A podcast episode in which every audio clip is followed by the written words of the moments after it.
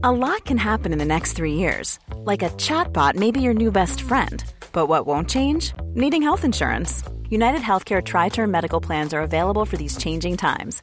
Underwritten by Golden Rule Insurance Company, they offer budget friendly, flexible coverage for people who are in between jobs or missed open enrollment. The plans last nearly three years in some states, with access to a nationwide network of doctors and hospitals. So, for whatever tomorrow brings, United Healthcare Tri Term Medical Plans may be for you. Learn more at uh1.com. Hiring for your small business? If you're not looking for professionals on LinkedIn, you're looking in the wrong place. That's like looking for your car keys in a fish tank.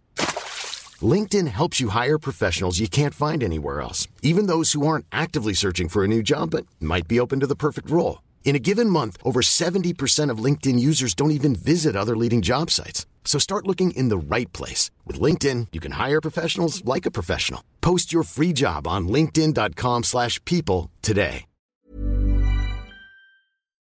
Systrarna Elvstrands hästpodd är producerad av Mediahouse by RF. Hej allihopa och välkomna till systrarna Elfstrands hästpodd avsnitt 114. Tjenare, tjenare. Mitt namn är Anna. Och mitt namn är Emma och i den här podden så snackar vi högt och lågt om hästar. Vi har tre stycken egna och eh, vill ni veta mer om dem och om oss så kan ni lyssna på avsnitt 56. Men vi tycker också det är kul att diskutera ridsporten i allmänhet. Ja, vi gör ju det. Men eh, hur mår du idag då Emma? Jo men jag mår fint idag men jag får erkänna att jag är lite um i kroppen på diverse ställen. Alltså jag kan ju bara skriva under på det. Jag är blå på typ hela mina ben, på min arm, på min rygg. Och då kan ni ju undra, vad har systrarna Elfstrand gjort? Har ni, har ni ramlat av? Nej. Nej. det har vi inte gjort utan vi har varit på lite semester i helgen och då kanske ni undrar, men vilken semester har ni varit på som gör att ni är umma och har blåmärken överallt? Jo, vi har varit på Bodaborg två dagar. Alltså det var ju succé. Ja. Vi mötte upp vår kompis Elina som eh, är ju en riktig barndomsvän för min del. Vi har nog lärt, eller vi lärde känna varandra när vi gick redan på, Dagis eller? ja, ja precis, jag tror att vi var så här tre, fyra år. Still going strong även om hon bor i Halmstad numera. Exakt och hon är så himla, alltså hon är en av våra absolut så mest Roliga. Ja och chill personer. Hon är så himla så här lugn och rolig. Så att vi tog med oss henne, eller ja, vi mötte upp henne för att det blev bra att mötas där. eh, och så åkte vi till Sävsjö faktiskt. Ja, till Småland. Mm. Så vi hörde någon som pratade om rörmokare. Och Ömokare, det är Karin och Kristinas hoods. Verkligen. Så vi kände oss verkligen som hemma i Småland och jag tycker det är så mysigt med så här småstäder också. Ja men jag också. Nu, nu vet inte jag hur stort Sävsjö är om man jämför med Vara som vi bor i. Det måste nog vara ganska mycket mindre tror jag. Är det det? Ja, det tror jag. Men det är ändå rätt så random att det är ett Bodaborg i så fall, ett så litet ställe. Ja, men det finns på diverse ställen, Bodaborg. Det ligger väl i lite småstäder och sådär också. Ja, men för er som inte vet vad Bodaborg är så är ju det som, alltså man kan väl säga att det är lite som Fångarna på fortet-ish. Du ska liksom klara olika, Questar. ja, olika uppdrag. Och det är, vissa är lite mer hjärntänkande och andra lite mer fysiska. Och alltså det är typ det roligaste jag vet. Ja, väldigt roligt och man får väldigt bra, vad ska man säga, gratis träning för det är så roligt så du tänker typ inte på att du rör på dig så mycket som du gör. Nej, men anledningen till alla blåmärken på benen är ju också för att man kryper ju runt i vissa rum. Och alltså herregud, det är inte så att man är van att krypa på knäna längre. Nej. Jag menar vi är ju inte tre. Eller typ ett halvår. Nej, Så att det, man får ju sådana blåmärken så det är inte klokt. Men det är sjukt kul. Och har ni någon sån här, eh, alltså typ eh, att ni vill hitta på något med några kompisar så är ju det askul att åka på Bodaborg. Verkligen. Och jag kan ju säga så, så att eh, Elina är 28, du är 29 och jag är 30. Och jag kan säga att det var ju inte många som var i vår ålder som var där utan det var typ så här ungdomar, alltså typ tonåringar. Ja. Och sen så var det kanske familjer eller föräldrar som var där med sina barn. Ja. Och sen så var det vi. Exakt, så vi var nog ganska så ensamma i vår åldersgrupp. Men det skiter jag blanka fan i ärligt talat. Ja. För att alltså det är så himla kul. Och vi är ju så himla ihärdiga också. Vi är sådär, vi vill ju typ klara alla questar. Ja. Det hann vi ju inte med. Nej, Och alltså, det var nog omöjligt att klara alla också. han och han, alltså vi hade ju säkert hunnit med det men vi lyckades ju inte klara kanske de mest fysiskt krävande questarna för det är väldigt mycket klättring och eh, sånt där som våra tantkroppar inte riktigt pallar med men vi klarade av några av de svarta questarna som ju är de mest fysiskt krävande. Ja, alltså det var så kul i ett av rummen som hette gymnastik. Då skulle man, alltså när man gick från ett rum till ett annat, för att det är ju lite så här, i vissa rum är det väl bara två stycken rum. Ja. Och i de flesta är det tre rum som man ska klara av. Mm, eller fyra. Eller fyra, ja just det. Så det är lite olika. Okej det är nog aldrig två förresten. Hur som helst så ska man i alla fall klara de olika uppdragen i de olika rummen. Och då hade vi klarat första rummet på gymnastik. Och då för att komma till nästa rum, då skulle man klättra upp för en stege. Och grejen är att Alltså det har ju varit lite av en skräck för mig men sen vi renoverade på ridskolan så har det liksom försvunnit lite det här med stegskräcken. Så att jag började klättra upp lite självförtroende i livet där. Men sen så när jag väl skulle ta mig upp på liksom plattformen jag bara Nej men gud jag, jag fick panik. Jag bara det här går inte för grejen var att väggen, eller stegen satt på en vägg och plattformen var till höger. Ja. Så att den var liksom inte på samma vägg. Och så fanns det typ ingenting att hålla sig i. Nej. Så jag bara, tänk om jag slinter här nu och trillar ner de här tre metrarna som det väl är. Alltså då kan jag ju riskera att dö här nu. Då, då blir jag så, här så himla medveten om att jag var tvungen att lita på min kropp typ. Så jag fick panik. Men sen löste vi det. Ja alltså när ni två hade klättrat upp och jag såg att du gjorde det utan större bekymmer då tänkte jag att då var det kanske inte så farligt. Utan större bekymmer. Ja men jag har insett att jag är en riktig klätterapa. Alltså mot vad jag har trott att jag är. Ja men jag vet inte, jag tror inte att jag det, jag gör det nog för sällan för att våga lita på att jag klarar av det typ. Ja men jag tror att vi är nog mer smidiga egentligen än vad vi tror att vi är. Mm, det, har jag, det har jag fått en liten epiphany av nu när vi har varit iväg på det här. Ja, nej men nu blir man ju inte mindre sugen på att åka iväg på fler grejer. Nej. Så har ni tips på något liknande, för Bodaborg har vi koll på. Men om det finns något liknande som man kan åka iväg på så får ni gärna tipsa om det. Mm, gärna. Och vi bodde ju på deras, eh, alltså de har typ så här lägenheter eller vandrarhem som de hyr ut.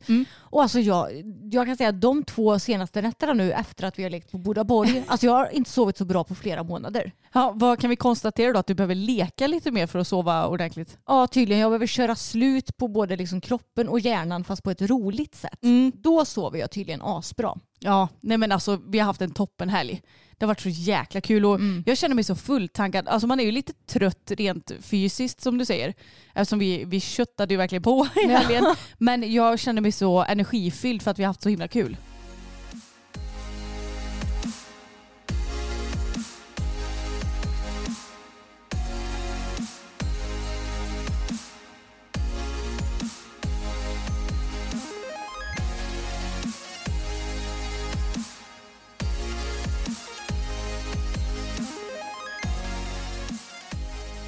Men nu när vi var iväg så anordnade vår ridklubb ponnytävlingar i hoppning. Och du och jag brukar ju alltid vara väldigt aktiva och hjälpa till. Men det krockade ju med att vi skulle iväg nu så att det är typ första gången på evigheter som vi inte kunde hjälpa till på en tävling. Ja, vi var med och byggde banan på fredagen. Men sen så var vi iväg både lördag och söndag.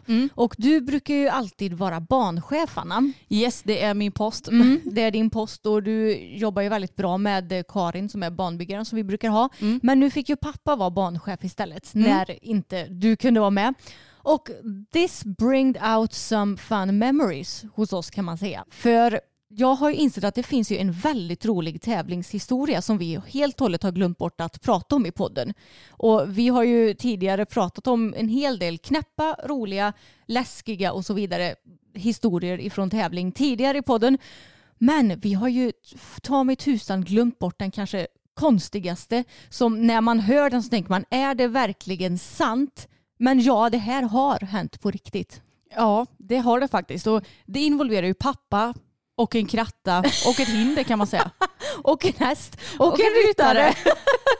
och det var på vår förra ridklubb, Varaortens ryttarförening. Och den klubben drevs ju på en annan anläggning än den som vi har idag. Exakt, vi har ju startat om kan man ju säga. Ja exakt, så den anläggningen var ju ja, men betydligt mindre än vad vi har idag men väldigt mysig och vi hade ju lokala och regionala tävlingar där också. Och den här situationen det ägde rum på en hästhoppning. Jag vill minnas att det var en lokal hästhoppning kanske. Ja, jag tror det var typ så här 80 centimeter. Det var ju en ganska låg klass vill jag Ja, minnas. kanske 80-90 centimeter Ja. eller sånt där. Och när kan det ha varit? Runt 2007 kanske? Ja, jag tror inte ens att vi hade tagit då knappt. Nej, det, nej, det var jättelänge sedan. Ja. Ja. men säg att det var runt 15 år sedan då. Ja. Så du och jag var runt 15 Ja. kan vi säga. Vi var, alltså vi var tonåringar. Mm. Och som vanligt så hjälpte ju vi till på de här tävlingarna som vår klubb anordnade. Och pappa han stod inne på banan. Han hade en kratta i handen så han skulle kunna kratta liksom framför och bakom hinder och hålla det snyggt om någon häst hade stannat eller sådär. Ni vet ibland kan det bli lite gropigt. Och sen så kommer det då in ett ekipage på banan och den hästen den var inte så sugen på att hoppa för dagen. Utan det var, det var nog ett hinder tror jag som den stannade på en gång och sen stannade den på hindret en andra gång och den sprang hela tiden åt vänster. Mm. Och, Och- på den här tiden så fick man ju vägra tre gånger innan Ja. man var utesluten. Precis, så den bröt alltså ut till vänster så den gjorde liksom ingen tvärnit utan den bara sprang åt sidan. Och då tänkte pappa vara lite snäll. Så då skulle han gå och ställa sig bredvid hindret på vänster sida. Ni hör ju vart det här håller på att barka hän. Så han går dit med krattan i handen. Och då tänker man att ja, men om det står en gubbe där då kanske inte hästen kommer att springa åt det hållet. Fast att pappa stod där det stoppade då inte den hästen. Nej. Nej, utan den hästen den sprang rätt över pappa så pappa tappade ju då krattan som han höll i handen. Och det här resulterade då i att krattan, alltså räfflorna eller man ska säga på krattan, Ja. den fastnade i hästens svans. Så hästen fick panik och började liksom typ skena runt där i paddocken. Och sen så tappade hästen sin ryttare. Ja, hästen tappade sin ryttare. Och som om inte det var nog så fick ryttaren hjärnskakning i fallet. Alltså nu kan vi ju skratta åt det här för att det gick ju bra med båda två, tack och lov. Men alltså ja, hon fick ju hjärnskakning då. Och vår klubbkompis har berättat om att hon satt i sekretariatet den här, den här dagen. Och då berättade hon att den här kvinnan hon åkte ju själv på den här tävlingen. På tal om det som vi pratade om i förra poddavsnittet. Exakt, när det händer saker vad gör man då? Nej men då tog ju någon hand om hästen och ställde in den i en box på ridskolan. Och sen så låg eh, kvinnan i, typ vi hade väl någon soffa där inne, Ja. det var ju så här ridskolekontoret i vanliga fall. Där låg hon och jämrade sig lite och, och frågade vad är det som har hänt? Vart är min häst? När kommer min man? Vad är det som har hänt? varför, Vart har är jag min häst? täv- varför har jag tävlingskläder på mig? Ja Mm. exakt, så, så då fick våran eh, klubbkompis svara på de här frågorna om och om och om igen. Men det är ju så här det är att ha hjärnskakning. Ja, jag vet. Minnet blir ju helt bara puff. Ja, och alltså, vi skämdes så mycket över pappa då också. Oh, alltså vi ville ju bara försvinna ur sikte. Alltså det var helt hemskt. Och det, var ju, alltså, det var ju inte hans mening att Nej. krattan skulle fastna i svansen. Men det kan man ju också konstatera då att ska man nu försöka och agera någon sorts mänsklig infångare, snälla håll inte i någonting då. Nej. Och gör det helst inte överhuvudtaget. Nej, exakt. Det är ingen bra idé.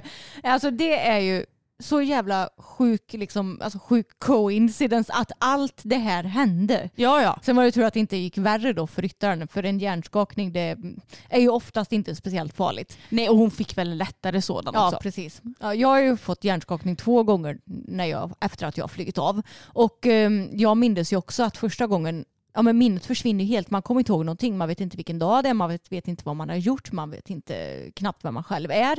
Så efter, när jag fick min andra hjärnskakning, ja, då var jag visserligen medvetslös ett tag så då kunde jag inte ställa några frågor. Men sen så har jag ju lärt mig nu att när jag får hjärnskakning, det är liksom man får embracea det som har hänt. Man får inte ställa några frågor. Man får bara liksom glida med tills man får tillbaks minnet. Ja. Annars, annars för visst har inte jag varit så himla frågvis när jag haft hjärnskakning. Nej, jag, jag minns inte hur det var första gången. Nej. För då kom väl bara jag och Samuel, vi fick ju typ gasa hem från affären för att du eh, trillade av när vi var iväg tror jag. Mm. Men eh, andra gången så frågade du ingenting. Nej, jag då vet. var jag mest nojig över att du hade brutit typ ryggen eller någonting och du skulle typ försöka resa dig upp. Så att jag sa till dig att lägg still för Mm. fan. Ja, nej men då insåg jag också att ah, ja, nu har jag fått hjärnskakning. Alltså jag fattade ju det. Mm. Men sen så förstod jag också att det är ingen idé att försöka eh, få någon koll på själva situationen för jag kommer ändå glömma bort det inom en sekund. Ja men det är ju sjukt ändå att du kan tänka så logiskt när du är skadad för det är inte alltid Mm. man gör det då. Nej, men eh, det har jag gjort. Och jag har ju varit med om folk som har fått hjärnskakning, eh, till exempel här på vår gård. Och då, de ställer ju verkligen frågor hela tiden. Vart är jag? Vad har hänt? Vart är jag? Vad har hänt? Har du ringt mamma? Bla, bla, bla. Ja, alltså, exakt. sådär, hela tiden. Och det är ju typ så här, man kommer ihåg det kanske max en halv minut liksom, och sen får man ställa den frågan igen. Ja om ens det skulle jag säga. Ja, Nej men så att det gick ju bra som sagt med det här Mm. ekipaget men det hade ju lika väl kunnat gått ännu värre. ja. Så ah, gud det är, det är ju väldigt kul så här i efterhand men det var inte kul just då. Nej, och vi sa också att då var vi inga offentliga personer heller. Nej. Undrar hur, om, alltså nu är vi äldre så jag hade väl inte skämt sådär jättemycket men det hade ju varit lite jobbigt eh, att ändå vara en offentlig person när det här hade hänt. Gud ja, Mm. jag hade skämts. Men pappa skötte sig i helgen i alla fall. Ja, det fick jag höra. Vi sa till Karin barnbyggaren att ge honom ingen kratta bara. Ja, och se till så han inte står i vägen också. Ja. Han kan ju vara lite flummig pappa och inte riktigt ha koll på vart de ska. För att det är ju kanske något av det viktigaste när man är barnpersonal, att man har koll på hela banan. Så att man inte kanske står i vägen om en ryttare tänkte ta en viss sväng i omhoppning till exempel. Så det gäller att hålla lite koll. Innan vi åkte iväg på vår lilla fun weekend så hade vi en mindre rolig vecka hemma som inkluderade tre veterinärbesök för hästarna. Ja, alltså den här veckan som varit nu, eller själva veckan, den, den har känts evighetslång. Ja, men alltså, jag har aldrig någonsin varit med om en så lång vecka förut. Nej, i tisdags så trodde jag typ att det var torsdag bara för att det har gått så sjukt långsamt. Men det kanske också var för att vi hade något så himla kul att se fram emot på helgen. Antagligen. Men okej, nu får vi ta lite där i ordning alla de här tre veterinärbesöken. Ja. Vi får ju börja med fokus, för det var ju det som vi nämnde i förra veckans poddavsnitt, att han skulle iväg till veterinären. Ja, och då hann ju jag precis klippa klart och fixa med podden så att jag och du kunde åka iväg ihop. Och då var det så kul för att vi hade ju på transporten på bilen och jag sa till Emma att du kan ta in fokus och borsta honom och sådär så ska jag bara mocka klart för jag hade börjat att mocka i lösdriften tror jag. Eh, och då gjorde jag det och så Emma hon tog av fokustäcket och hon eh, borstade och la på flistäcket som man skulle åka i och så puttrade vi iväg till Husaby. Jajamensan. Vi kommer fram och då så anmäler vi oss i luckan och sen så kommer vår kompis Moa och ska titta på honom. Och då säger hon till oss att, ja men, för hon vet ju om situationen, det är henne jag har bollat lite med. Så att jag sa det till henne att, eh, eller hon sa till oss att ni kan gå ner i gången där man springer och kollar ifall hästarna är halta eller inte. Och så började vi med att skritta bara fram och tillbaka en gång så här för att, han skulle liksom spana in the environment. Och sen så skulle vi trava. Och då travar jag ner och sen så när vi vänder så säger Moa men Anna, han har ju något vid bogen. Han har något något som som hänger där. och då har han fått en bogbuld. Det, det var... var- ingen hovbuld. Det var en bogbuld. Ja, men alltså jag fattar inte hur vi har kunnat missa det. Nej men jag tror, alltså dels så har ju vi varit så himla fokuserade på hans ben det senaste. Jo. Med tanke på hans jävla mugg slash sår som han har haft. Så vi är, vi är helt blinda, bara glor på hans ben hela tiden. Sen har vi haft så många hovbulder genom åren på hästar. Så det naturliga är ju när en häst blir så här plötsligt halt, ja det är en hovbuld. Ja. Som vi har nämnt med pappa då, men han har ju en- tydligen smittat av sig lite på oss då. Och sen insåg jag, för jag tog ju kort på hans bogbuld och den, alltså man ser ju den tydligt på bilden men det är ju liksom en specifik vinkel och om man inte tänker på att den är där, den är ju liksom kamouflagefärgad för den är ju samma färg som hans ben och sådär. Så, Ja och den är ju lite hängig också. Mm. Så att det är inte så att det, det är inte så att det är som en, som en tjock finne som sticker ut. Mm. Liksom. För då hade man kanske också sett den betydligt mer. Nej, men det var helt sjukt när vi såg det. Alltså vi började skratta så sjukt mycket. ja. För att, ja, inte för att det är kul för Fokus då givetvis, för han har ju antagligen haft ganska ont. Men just för att vi har missat det där. Ja. Och alltså det såg så roligt ut. Det var som en liten tutte liksom Ja, ja. som hängde där mellan frambenen på Ja. honom. Så att eh, ja, det var ju inte så mycket att göra åt den saken utan vi fick Metacam utskrivet och han håller fortfarande på att äta upp det sista nu. Och han är ju helt fräsch. Jag Ja. provade att trava så här tio steg bakom det och Bella idag bara för att ja, men, se hur läget var liksom, och det var inga bekymmer. Men vi måste ju ändå lunka igång lite så att vi inte bara kör 100% på en Ja. gång. Men det kändes ju väldigt, väldigt skönt. Men det är ju verkligen vårt mest onödiga veterinärbesök ever. Ja exakt, vi hade bara kunnat, om vi hade haft ögonen lite mer eh, od, Öppna. Ja, öppna och odistraherade så hade vi kunnat sitta där hemma. Ja, Men ja, så kan det vara. Nu vet vi om att vi inte ska leta hovbuller kanske det allra första hela tiden. nej utan kolla igenom hela kroppen först. Men det är ju också så här, alltså, det var någon som skrev till mig att ni ska inte känna någon typ skuld för det här och jag kände bara det gör jag ju inte för vi åkte ju ändå in till veterinären. Det är mest bara att det kändes ju lite snopet att ha lagt ja, men nästan två timmars restid och sen kanske 45 minuter på kliniken. Lite i onödan då. Ja, jo exakt. Men alltså så här, jag åker hellre en gång i onödan än en gång för lite. Ja, Så är det ju. precis. Och det viktiga är att allt är bra med fokus. Och hans ben är också mycket bättre nu Ja. med såren. Så det känns som att eh, med fokus så har det nog verkligen vänt nu. Jag tror att han kommer vara fit for fight snart igen. Ja, jag hoppas verkligen det så Mm. att vi kan ut och tävla ja, men, om ett tag igen i alla fall. och komma igång och börja hoppa och sådär igen. Ja, det ser jag fram emot. Mm, så det är väldigt roligt. Det är väldigt kul. Men sen dagen efter då, då var det dags för taggemannen att åka till tandläkaren. Då, det var ju en vecka sedan som Bella och Fokus var inne på, hos Mm. tandläkaren också. Vi nämnde inte riktigt hur det gick för dem. Eh, nej det kanske vi inte gjorde men det var väl inga större grejer att säga utan det gick ju jättebra för båda två väl. Ja, men Fokus hade sår i munnen. Mm. Så det berodde på, de får ju så här hakar kan de få. Mm. Eller har vi pratat om det? Eh, Gud jag blir helt förvirrad av det här. ja, Men hur som helst så gick det bra i alla fall. De skötte sig jättebra. Och Tage, alltså han var nästan lite så här stissig. För att jag släppte in honom i boxen där på kliniken för att vänta på, på min tur. Då var han lite så här, han kunde typ inte stå still utan han gick runt i boxen och var nästan lite så här, han var inte stressad eller så men Mm. han bara, vad ska jag göra nu? Så nästan ut som han tyckte det var lite kul att komma iväg. Jättemärklig var han. Men han var också jätteduktig. Och det var så skönt för att han är ju ändå 22 år nu.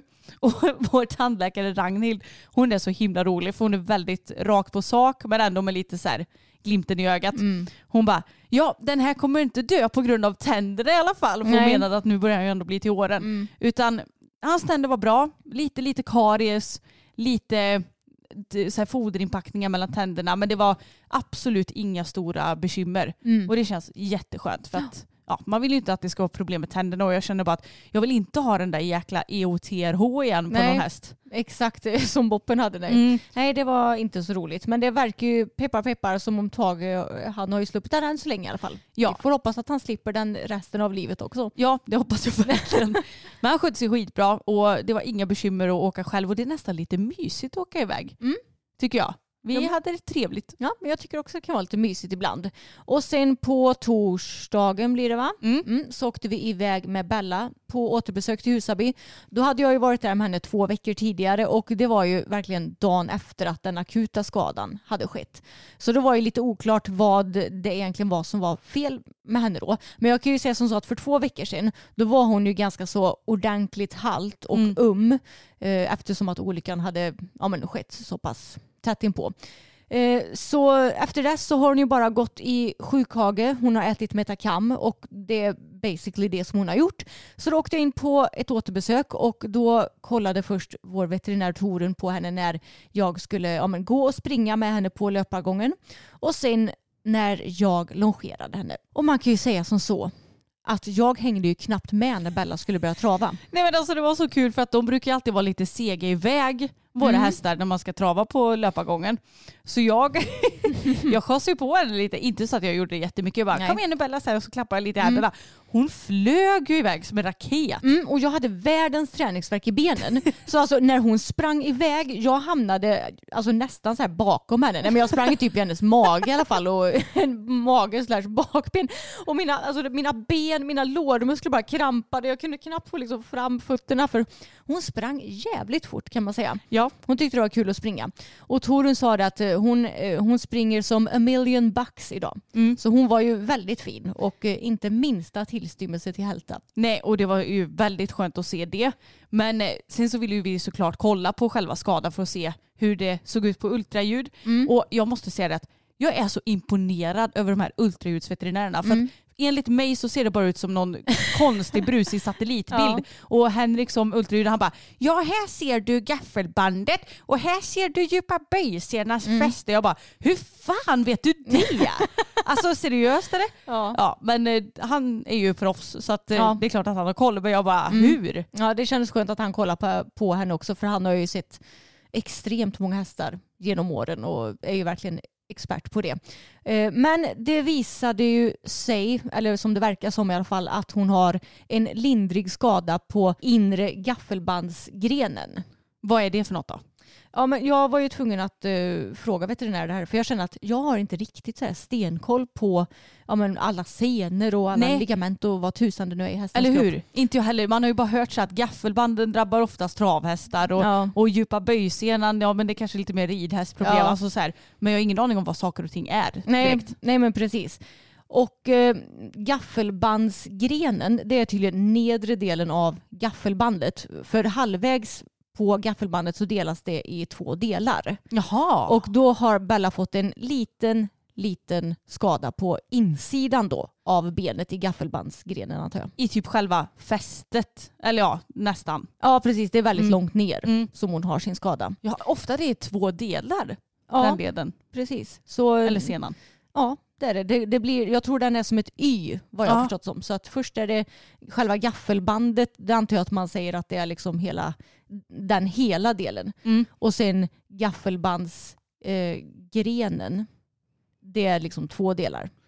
Den Aha. inre och den yttre. Ja, ja, ja. Vad jag har förstått som. Så det, hennes eh, lilla skada sitter ju då på insidan av benet. Mm. Eh, om jag har förstått det hela rätt. Eh, men det, var ju där hon var svullen så det känns ju logiskt. Ja precis och det var ju en väldigt liten skada Mm. som hon har haft. Och Henrik verkar inte tycka att det var några liksom större bekymmer när han kollade på ultraljudet. Och eftersom hon har blivit så himla mycket bättre så snabbt också så känns ju det också hoppfullt tycker jag. För ni vet ju om att jag har pratat om att ja, men, ifall hon nu skulle ha någon skada som kräver väldigt lång rehabilitering så tänkte jag att jag ska betäcka henne i år så att eh, hon får liksom Göra något ja, vettigt. Ja, precis. Vila i år och så att jag får ut någonting av en tråkig situation. Men om möjligheten finns att hon kommer liksom kunna bli bra senare i år, om kanske några månader, då vill jag ju alltså ta den. För jag menar, hon är bara nio år, hon har gott om tid på sig att få föl senare och jag tycker att hon är världens roligaste häst. Så jag vill ju kunna rida henne om det finns möjlighet till det. Men i alla fall, nu ska jag rida igång Bella igen. Och vi börjar ju väldigt lugnt och sansat med ja, men bara ut i skogen nu i början på rakt spår. Skritt och lite trav och sen så ska jag ja, men utöka det eh, liksom vecka för vecka. Och så får vi se. Nu, Torun sa det att hör av dig ifall hon, alltså ifall hon börjar nicka och halta. Så får jag höra av mig och så får vi se.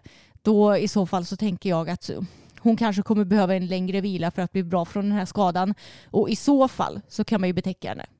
Precis, och man kan ju säga lite det att eftersom veterinären är så medveten om, vi, vi har ju en väldigt god dialog med dem och de är så medvetna om att om det nu inte alltså hinner läka ihop så att hon blir halt, Mm. att vi vill ta föl, Mm. så vi känner att vi provar nu. Mm. Förhoppningsvis går det ju bra, Mm. men då har man ändå en plan B om det inte skulle gå bra. Liksom. Ja exakt. För att om vi skulle vänta typ en månad till Mm. med att låta henne vila helt från ridning och sådär, Ja och sen rida igång. ja Mm. då blir det ju för sent om hon nu skulle Mm. visa sig vara halt då. Ja exakt. Så det känns ju, det var så som veterinären sa i alla fall. Mm. Det är bättre att vi, eftersom hon är så himla himla fräsch Ja. och man inte ser något större på ultraljudet. Man ser ju kanske pytte pytte pytte lite förändringar men det är Mm. också svårt att säga enligt eh, dem att det är någonting som är nu nu Mm, eller om det var gamla skador. För Ja. det kan de ju också ha Ja liksom. men exakt. Så att det känns ju ändå hoppfullt tycker jag. Ja men jag känner mig ändå hoppfull. Nu idag så skrittade vi ut och hon känns ju precis som vanligt i skritten när jag skrittar. Ja. Så imorgon blir det trav. Jag ska köra lite så här varannan dag skritt och varannan dag skritt och trav nu i början. Mm. Eh, Men det är jättekul att sitta på hennes rygg igen. Hon är ju snäll och så som alltid. Ja men alltså det är så skönt, man behöver inte oroa sig. Bara, ah, nu har inte jag ridit på, är det tre veckor? Tre veckor.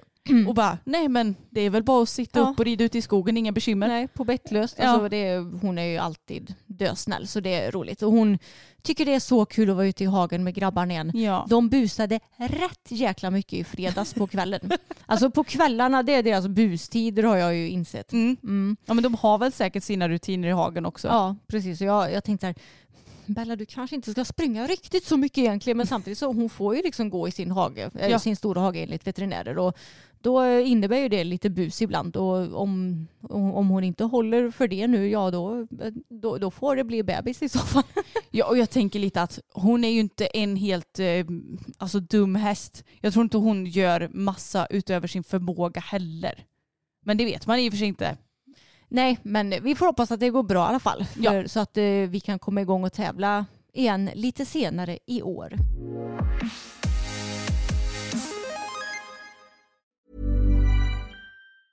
A lot can happen in the next three years. Like a chatbot may be your new best friend. But what won't change? Needing health insurance. United Healthcare Tri Term Medical Plans are available for these changing times. Underwritten by Golden Rule Insurance Company, they offer budget friendly, flexible coverage for people who are in between jobs or missed open enrollment. The plans last nearly three years in some states, with access to a nationwide network of doctors and hospitals. So, for whatever tomorrow brings, United Healthcare Tri Term Medical Plans may be for you. Learn more at uh1.com. Quality sleep is essential. That's why the Sleep Number Smart Bed is designed for your ever evolving sleep needs. Need a bed that's firmer or softer on either side? Helps you sleep at a comfortable temperature? Sleep Number Smart Beds let you individualize your comfort so you sleep better together. JD Power ranks Sleep Number number 1 in customer satisfaction with mattresses purchased in-store. And now, save 50% on the Sleep Number limited edition Smart Bed for a limited time. For JD Power 2023 award information, visit jdpower.com/awards. Only at a Sleep Number store or sleepnumber.com.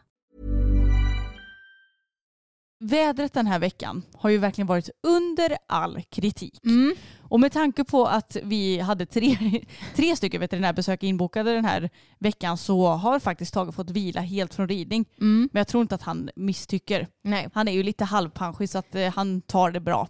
han fick ju lite mikrovila helt enkelt förra veckan. Ja, Mm. men jag red ju faktiskt ett ridpass på hela förra veckan. Mm. Du gjorde inget va? Nej, nej.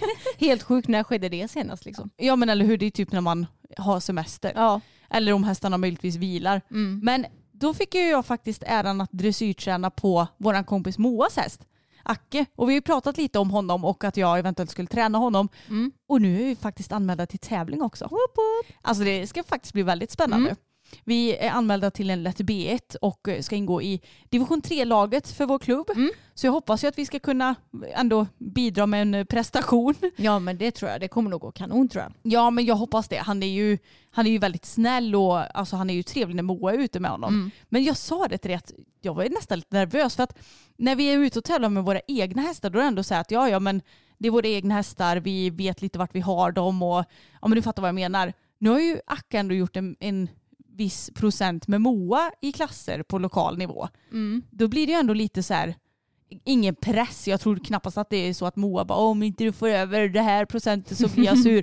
Så är det ju absolut inte. Men det känns ju ändå som att man har något att jämföra sig med även fast det inte går att jämföra sig med någon annan. Ja, men man borde egentligen inte ha samma press när man rider någon annans häst. För det är ju orimligt att alltså, tänka att det ska gå lika bra med någon annans häst som med sin egen häst som man känner. Ja och det tänker jag nog egentligen inte direkt men jag är ändå lite så här nervös över det. Ja. Men eh, det kanske också är för att nu har jag ju knappt hunnit tävla någonting i år. Mm. Så det är ju fortfarande lite så här, man är inte riktigt inne i tävlingssvängen heller. Nej precis. Men du får kanske se om du kan få låna Acke på någon mer träning för Johan också. Ja men det hade nog varit nyttigt för. Att alltså, Johan är ju så himla duktig på att se små detaljer som man behöver rätta till för att hästen ska få bättre takt och för att man ska få bättre känsla i ridningen. Så att, alltså, det var ju så givande. Mm. Och han sa det i onsdags att nu kanske du ändå märker hur mycket fokus har lärt dig. Mm. Och det är ju väldigt sant för att jag kände att jag kom in i ridningen ganska snabbt på Acka ändå. Ja.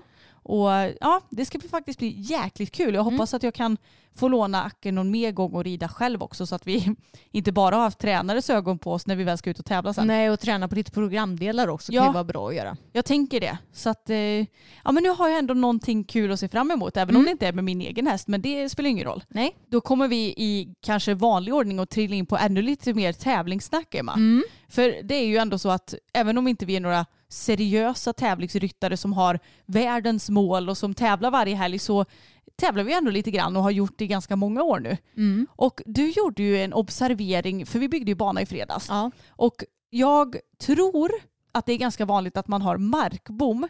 Alltså Mm. att det ligger en bom rätt och slätt på marken och inte i några skollor. Mm. Från ja, men lägsta klass som går att tävla Mm. och kanske upp till om det är en meter eller en och tio. Alltså jag, jag, är garanterat högre än så. Alltså jag tror det är det i alla lätta klasser nästan. Det är det kanske. Mm. Det kanske är först i 1,20 som det inte är några markbommar. Ja eller nog 30 kanske. 1,30. Ja, Jag jag vet vet, inte. inte. Men markbommar är ju väldigt vanligt i lätta klasser i alla fall. Mm. Men du gjorde ju en liten observering om det. Ja, för jag trillade in på gamla bilder på mig och Boppen för ett tag sedan.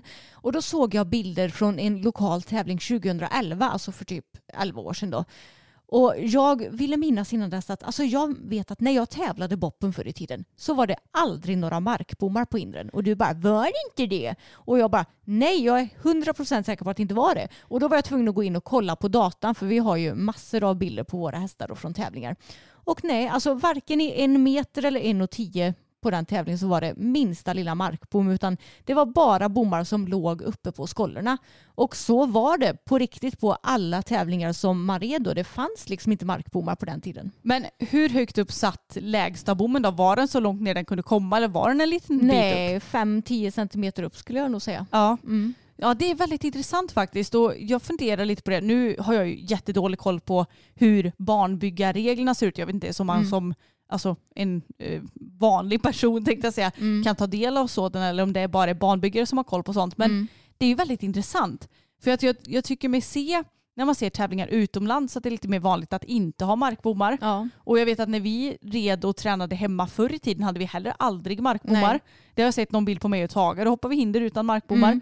Men nu så har vi ju verkligen blivit så invana vid det. Mm. Vilket lite är på ont skulle jag säga. Ja. För att jag tycker typ att det är lättare att se avstånd. Det är väl säkert därför man har det i lätta klasser. Mm. Jag tycker det är lättare att se avstånden när man har en markbom. ja, kanske. Och markbom innebär ju alltså inte att den ligger flera meter framför hindret utan den ligger precis vid hindret Mm. men bara på backen liksom. Ja, exakt. Ja, det har ju blivit väldigt, väldigt vanligt nu det senaste och det är väl för att det är ja, men enklare för både häst och ryttare kan jag tänka mig. Ja. Men som sagt förr i tiden nej, då fick man inga sådana bekvämligheter minsann utan då var det inga markbommar som gällde. Mm. För man ser ju till exempel, ja men nu när jag kikade lite på världscupfinalen ja, häromdagen, det är ju inte några markbommar där. Och jag eh, kan inte säga nu på rak arm hur det är i typ så nationella tävlingar för det eh, har jag inte tittat på så mycket. Men det är säkert inga markbommar heller i lite högre klasser som sagt. Men det är intressant eh, den här förändringen och det är ganska mycket som har förändrats inom ridsporten känns det som de senaste tio åren typ. Gud ja, det ändras väl hela tiden tänker jag. Ja. Men på tal om förändringar då Emma, Mm. så kan man ju faktiskt skicka in sina ändringsförslag till TR just nu. Ja, precis. Nu såg jag på Facebook häromdagen att man kan skicka in för, vad är det, 2023-24 så kommer det komma ett nytt TR. Mm. Och, Så det har inte kommit något nytt i år. Det kommer inte varje år. nej, eller? utan vartannat år Vartannat är det, okej. vill jag minnas. Mm. Så jag tänker att vi gör som så här att vi lägger en länk i beskrivningen till poddavsnittet. Och om ni trycker på den länken så kan ni ge era förslag med vad ni tycker ska ändras i TR. Mm. Och jag har varit inne och gjort det. Jag var bara inne i dressyr-TR vill jag minnas och lämnade förslag på att ja, men tillåta bettlösa trends ja, men i vanliga klasser. För som det ser ut nu så finns det ju bettlösa klasser men det är ju för det första typ ingen arrangör som anordnar det. Nej. Och de som gör det de får väl också väldigt få starter och det kan jag förstå för om jag tävlar på bettlöst så vill ju jag fortfarande att det ska bli en ordentlig klass av det hela så jag kan möta fler ryttare så att det blir lite mer tävling. Precis. Mm. Det finns ju ingen anledning till att ha dem i någon separat klass. Nej. Det tycker jag är jättekonstigt. Men Mm. eh, ja, vi, vi tycker ju inte som de som gör TR uppenbarligen. Nej, precis. Så det ändrade, eller ville jag skulle bli en ändring på att tillåta bettlösa trends även i vanliga klasser. Vad tusan, jo just det, ja, nu kommer jag på. Och att tillåta lättridning i lätta klasser. Just det. Det tycker jag är en jättebra grej Mm. för att jag menar det är, det är många orutinerade hästar Mm. och en del orutinerade ryttare i lätta klasser. Mm. Så det är ju jättekonstigt att man inte åtminstone i lätt C och lätt B Ja. får lov att rida lätt. ja, alltså även i lätt A tänker jag. Ja. Alltså det, jag tänker att det spelar väl ingen roll. Om du vill sitta ner, gör det. Om du vill rida lätt, gör det. Mm. Det är precis som med bettlöst. Vill du rida på bett, gör det. Vill du rida på bettlöst, gör det. Gör Mm. det som du och din häst trivs bäst med. Och i synnerhet med tanke på att det är säkert väldigt många unghästar som går de lägre klasserna. Precis. Och det är ju bara bra att ja, men undvika att, eller att man inte sitter för mycket på de yngre hästarna. Nej, och jag tänker också om en ung häst ska ut på sin första tävling, Mm. visst då kanske man väljer att åka på en del pay rides och sånt och då är ju oftast lättridning tillåten för att det är en träningstävling. Mm. Men jag menar om du ska ut på riktig tävling inom citationstecken då kan det ju lätt bli så att ska du sitta ner, det kanske hästen blir lite spänd för att det är en ny situation Mm. och då blir det kanske inte så bekvämt att sitta på hästen Och det blir bara en ond cirkel i spänning istället Mm. för att man ska kunna rida lätt och det blir lite mer bättre takt och, Och kanske få- bättre Ja, framåtbjudning precis. och allt. Så att man verkligen får fram hästarna. Så det tycker jag hade varit en väldigt god idé också. Ja men det håller jag med om så jag Ja. hoppas att de kan ta till sig de förslagen. Precis, men man får ju såklart skicka in vilka förslag man vill och eh, till de olika sorters TR. Det finns ju både dressyr, hopp och gemensam, allt vad det nu är. Men det, det får man information om via länken. Men jag tycker att det är viktigt att man faktiskt tar tag i och göra det här om det finns någonting som du känner att du vill få en förändring på. Mm. För man kan ju inte klaga på att det inte blir förändringar om man inte försöker få förändringarna att ske, eller hur? Det är faktiskt väldigt sant. Mm. Men jag, jag tror inte att jag kommer på något mer sådär som du inte Nej. har nämnt redan. Nej, jag har svårt att komma på det också. I alla fall någonting som är så pass konkret som ändå de här två grejerna är. Exakt, för Det det, går kan- ju inte bara att säga jag vill att hästarna ska ha det bättre. Bara, Jaha, men vad, är det du har sett som inte är bra typ? Alltså, Ja, det exakt. får ändå vara något konkret som Eller som vi pratade om i podden för ett tag sedan. Jag tycker att man ska bli utesluten om man rider för okontrollerat till hoppningen. Ja, men vad är definitionen av att rida okontrollerat då? Alltså, Precis, det, blir är ju jättesvårt. mm, Även om jag fortfarande tycker att det är en bra grej men det är ju Mm. svårt att lägga fram ett ändringsförslag på det. precis. Men ja, det är Mm. bra att man kan skicka in sina förslag i alla fall. Men Anna, i söndags när vi hade varit på Bodaborg så kom ju vi hem ganska sent på eftermiddagen. Och jag missade tyvärr första rundan av världscupfinalen. Jag med. Men jag hann se andra och eh, det vill säga avgörande rundan som tur var. Ja, alltså jag hann se en bit av det. Jag hann tyvärr inte se Angelica för att Nej. jag kände bara att jag måste slänga in tvätt och jag måste duscha innan jag gör något annat för annars kommer inte det bli av för att jag var så trött. Nej, Så jag missade tyvärr hennes runda. Men hur Mm. såg hennes runda ut? Var den Nej bra? det var jättefint. Ja. Hon var felfri. Hur, vad stannade hon på för totalplacering? Minns du jag det? minns inte. Men hon var ju med i topp 20 i alla fall eftersom hon var felfri kan jag tänka mig att hon hamnade kanske på en någonstans tionde till femtonde plats kanske. Ja, jag för mig att det var något Mm. sånt. Men det var ju väldigt, väldigt, väldigt kul. Mm. För det gick ju otroligt bra för Jens Fredriksson. Ja, exakt. Han klättrade ju ja, men både på första rundan och andra rundan för han var ju felfri i båda rundorna nu i finalen. Mm. Och det är ju väldigt imponerande för jag kan tänka mig att det är väldigt mycket nerv i en sån här final. Det är ju liksom allt står på spel. I synnerhet eh, kanske för de som låg på en alltså väldigt bra placering från början. Ja. Då får ju de mycket press att de ska behålla den placeringen. De som ligger lite mer i botten, de har ju bara saker att vinna. De kan ju bara klättra. Mm. Men Jens han låg ändå ganska bra till från början. Men han klättrade ändå, vad var det? Jag tror han låg på en åttonde plats inför finalen. ja, jag tror det. Sen klättrade han till en femte plats efter första rundan och sen blev det en tredje plats då efter sin andra felfria runda. Det är ju verkligen ot- otroligt imponerande. Alltså han är ju en otrolig hästkar, väldigt skicklig både ridtekniskt, han har fin hästhållning och ja, bra på horsemanship och allt vad det är. Mm. Mm. Alltså så välförtjänt. Och jag tycker det är så roligt för att han det känns ju lite som att han har varit med väldigt länge i sporten. Mm. Men det är kanske inte så mycket som han har varit på den här allra högsta nivån och krigat. Nej, inte nu det senaste i alla fall. Precis. Det var väl typ tio år sedan så var ju han med och represe- representerade Sverige i mästerskap.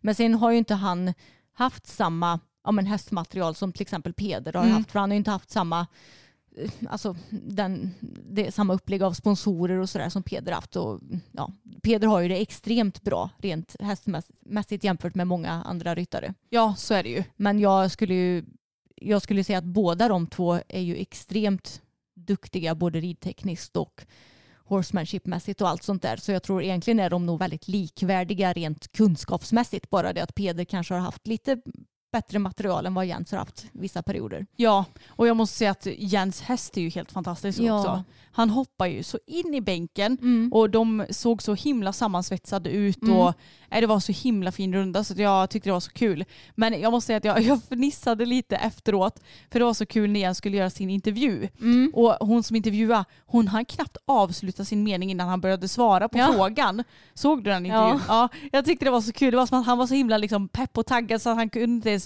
vänta kvar på vad hon hade att säga. Mm. Utan han bara liksom avbröt och svarade på frågan. Ja. Ja, jag tyckte det var kul. Mm. Det var riktigt härligt att se. Och Ja. så välförtjänt att han lyckades få en tredje placering tycker jag. Mm. Och Martin Fuchs vann också. Mm. Han är ju superduktig. Han är typ i vår ålder. tror han är född 92. Ja.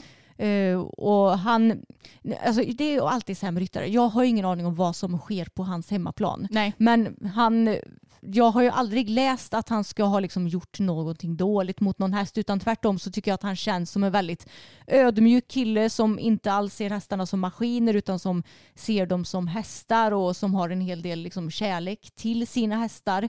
Och jag tycker det är kul att eh, han fick lov att vinna för han är väldigt duktig och känns som en bra förebild inom sporten. Ja, så vitt vi vet i alla fall. Så vitt vi, så vitt vi vet jag. Jag är i alla fall glad över att inte McLean Ward vann. Nej, men, hur, har du fått reda på att han, är han inte snäll mot sina hästar eller vadå? Nej, Man kan googla så, så ser man vad det står. Jag förstår. Men eh, han låg ju etta inför sista rundan. Men sen så blev det nog lite väl mycket nerver.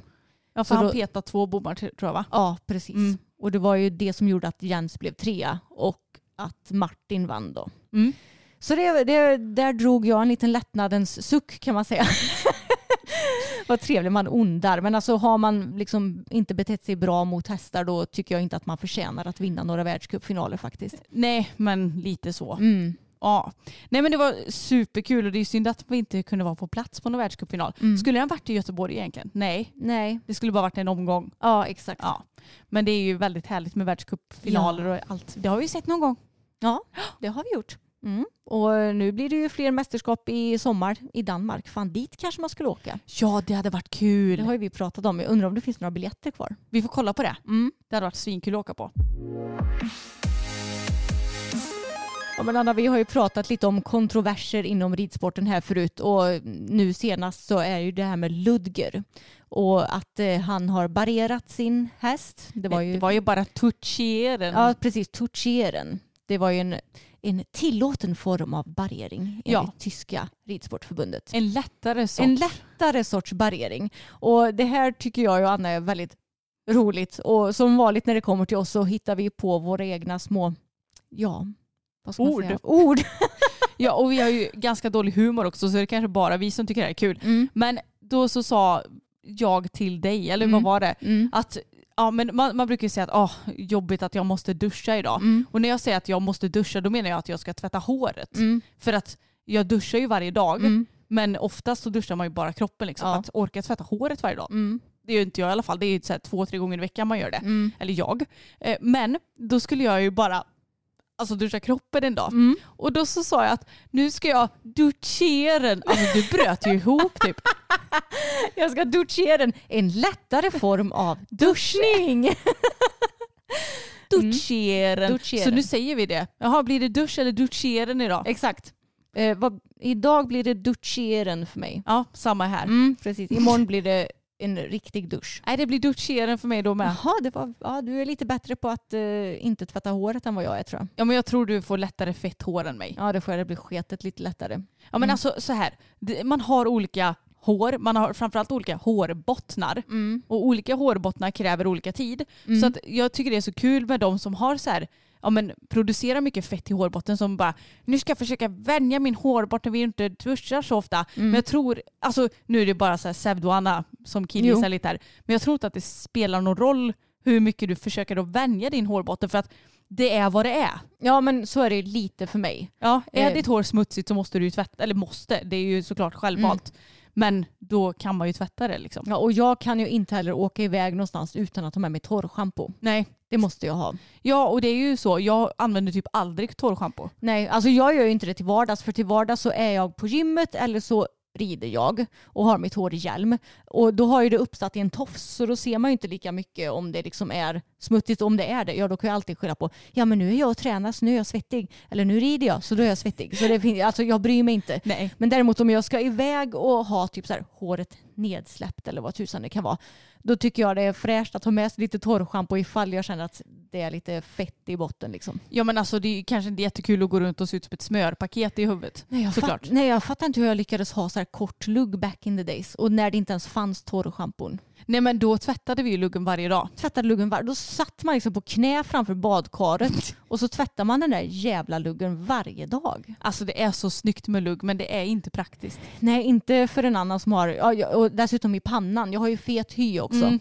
Så jag menar, då lägger den sig och är fet både i hårbotten och i pannan. Och visst fick du finnar också av att ha lugg? nej, det tror jag Nej det inte. fick du inte. Nej. För det fick nog jag tror jag. Jaha, nej alltså jag har ju alltid haft fet hy, men jag har ju nästan all, jag får ju väldigt, väldigt sällan finnar. Ja. Det är lite konstigt för normalt sett brukar ju så här fet hy och ja, men finnar eller akne gå hand i hand, men jag har aldrig haft problem med finnar. Är det så? Jag, jag, tror, jag trodde snarare det var tvärtom, att torrisar får finnar lätt. Jaha, nej men jag tänker att om huden producerar fett så blir väl den mer lätt eh, oren och sådär. Man Ja, brukar kanske. säga fet och oren hy.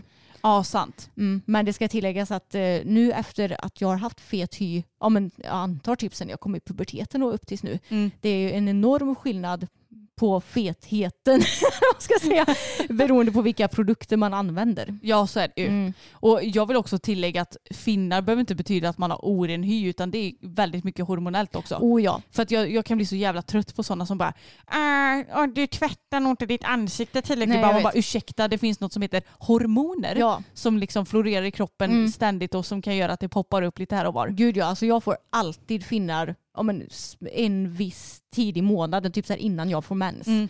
Och det, det är inte så att jag gör någon skillnad på min hud, eller med min hudvård då versus annars. Liksom. Nej, exakt. Så att jag vill bara säga det för att jag vet att det är säkert är några som lyssnar som kanske har problem med akne. Mm. Och det är ju vad det är liksom. Sen Ja. så går det säkert att få bort aknen. Mm. Men det beror inte på att man inte tar hand om sin hy. Nej, Eller att ah, du måste nog eh, ta bort eh, mejeriprodukter och choklad. Alltså snälla, det, det kanske kan delvis bero på det i vissa fall. Mm. Men oftast så är det ju mycket hormoner. precis. Men okej, ja, nu kanske folk bara, men vad har ni för tips då? För jag tänker att vi kan dra lite tips här eftersom jag har haft fet hy så länge och nu har jag alltså inga problem med det längre. Förut jag hade sån ångest när jag skulle sminka mig. Eh, för Ja, du visste ju att det skulle bli flötigt Ja, om alltså, typ en det, var, timme. det var fint en timme, sen Ja. rann liksom sminket av min, Mm. mitt ansikte och jag var tvungen att ha både blotting papers och puder. Men alltså det hjälper ju inte hur länge som helst. Nej. Nu kan jag sminka mig och det håller verkligen hela dagen. Och det är inte för att jag har annorlunda sminkprodukter eller primers utan det har bara med min hudvård att göra. Okej, what's the secret? Okej, BHA-syra, Mm. det tar man bara på kvällen. Eh, och sen så har jag niacinamid serum, jag har retinolserum och sen på kvällen, alltså jag har jäkligt mycket återfuktning också. Ja, för jag tror att många tänker att jag har fet hy, jag måste typ torka ut den. Mm. Men huden producerar ju också fett för att den ska återfukta sig. Mm. Så att det är ju viktigt att även fast du har en fet hy att du måste återfukta ordentligt. Ja, exakt. Men jag kan, jag kan säga att både BHA, niacinamid och retinol, alltså alla de här tre komponenterna är svinbra för fet hy. Mm. Så har du precis som mig problem med ja, stora porer, att ditt smink vill rinna bort, att du blir fet och liksom kladdig, ha, använd de här tre produkterna på kvällarna.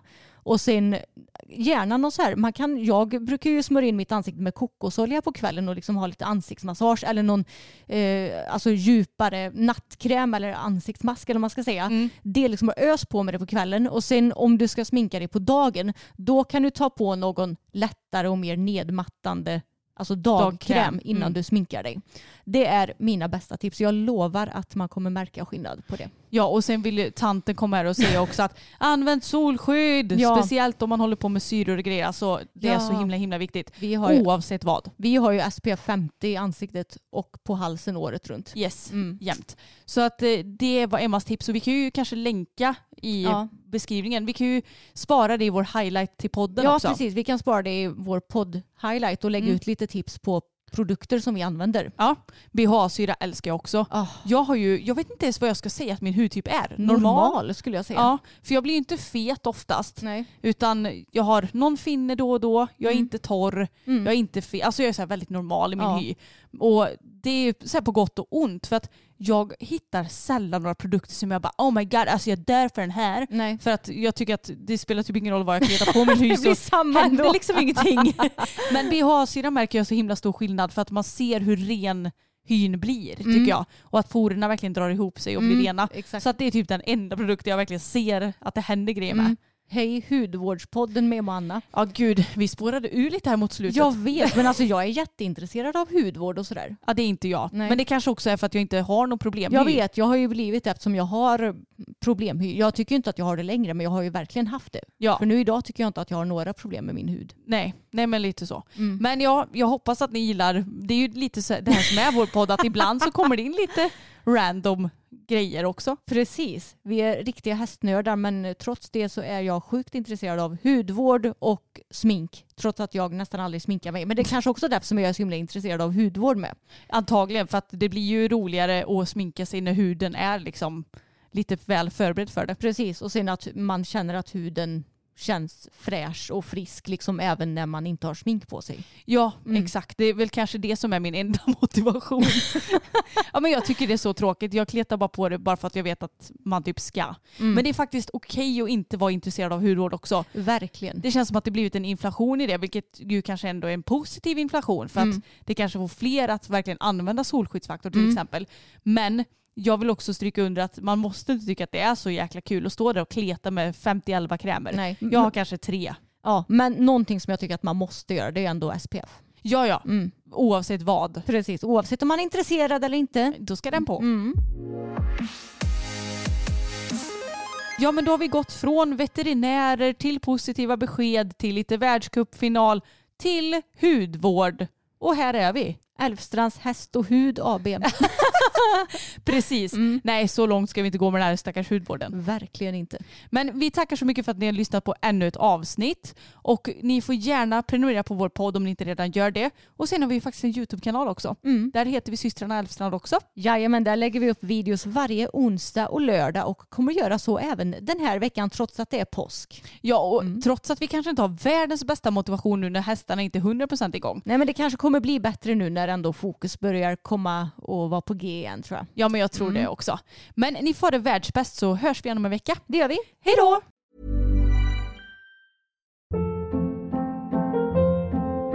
Hold up. What was that? Boring. No flavor. That was as bad as those leftovers you ate all week. Kiki Palmer here, and it's time to say hello to something fresh and guilt-free. Hello Fresh. Jazz up dinner with pecan-crusted chicken or garlic butter shrimp scampi. Now that's music to my mouth. Hello Fresh. Let's get this dinner party started. Discover all the delicious possibilities at hellofresh.com.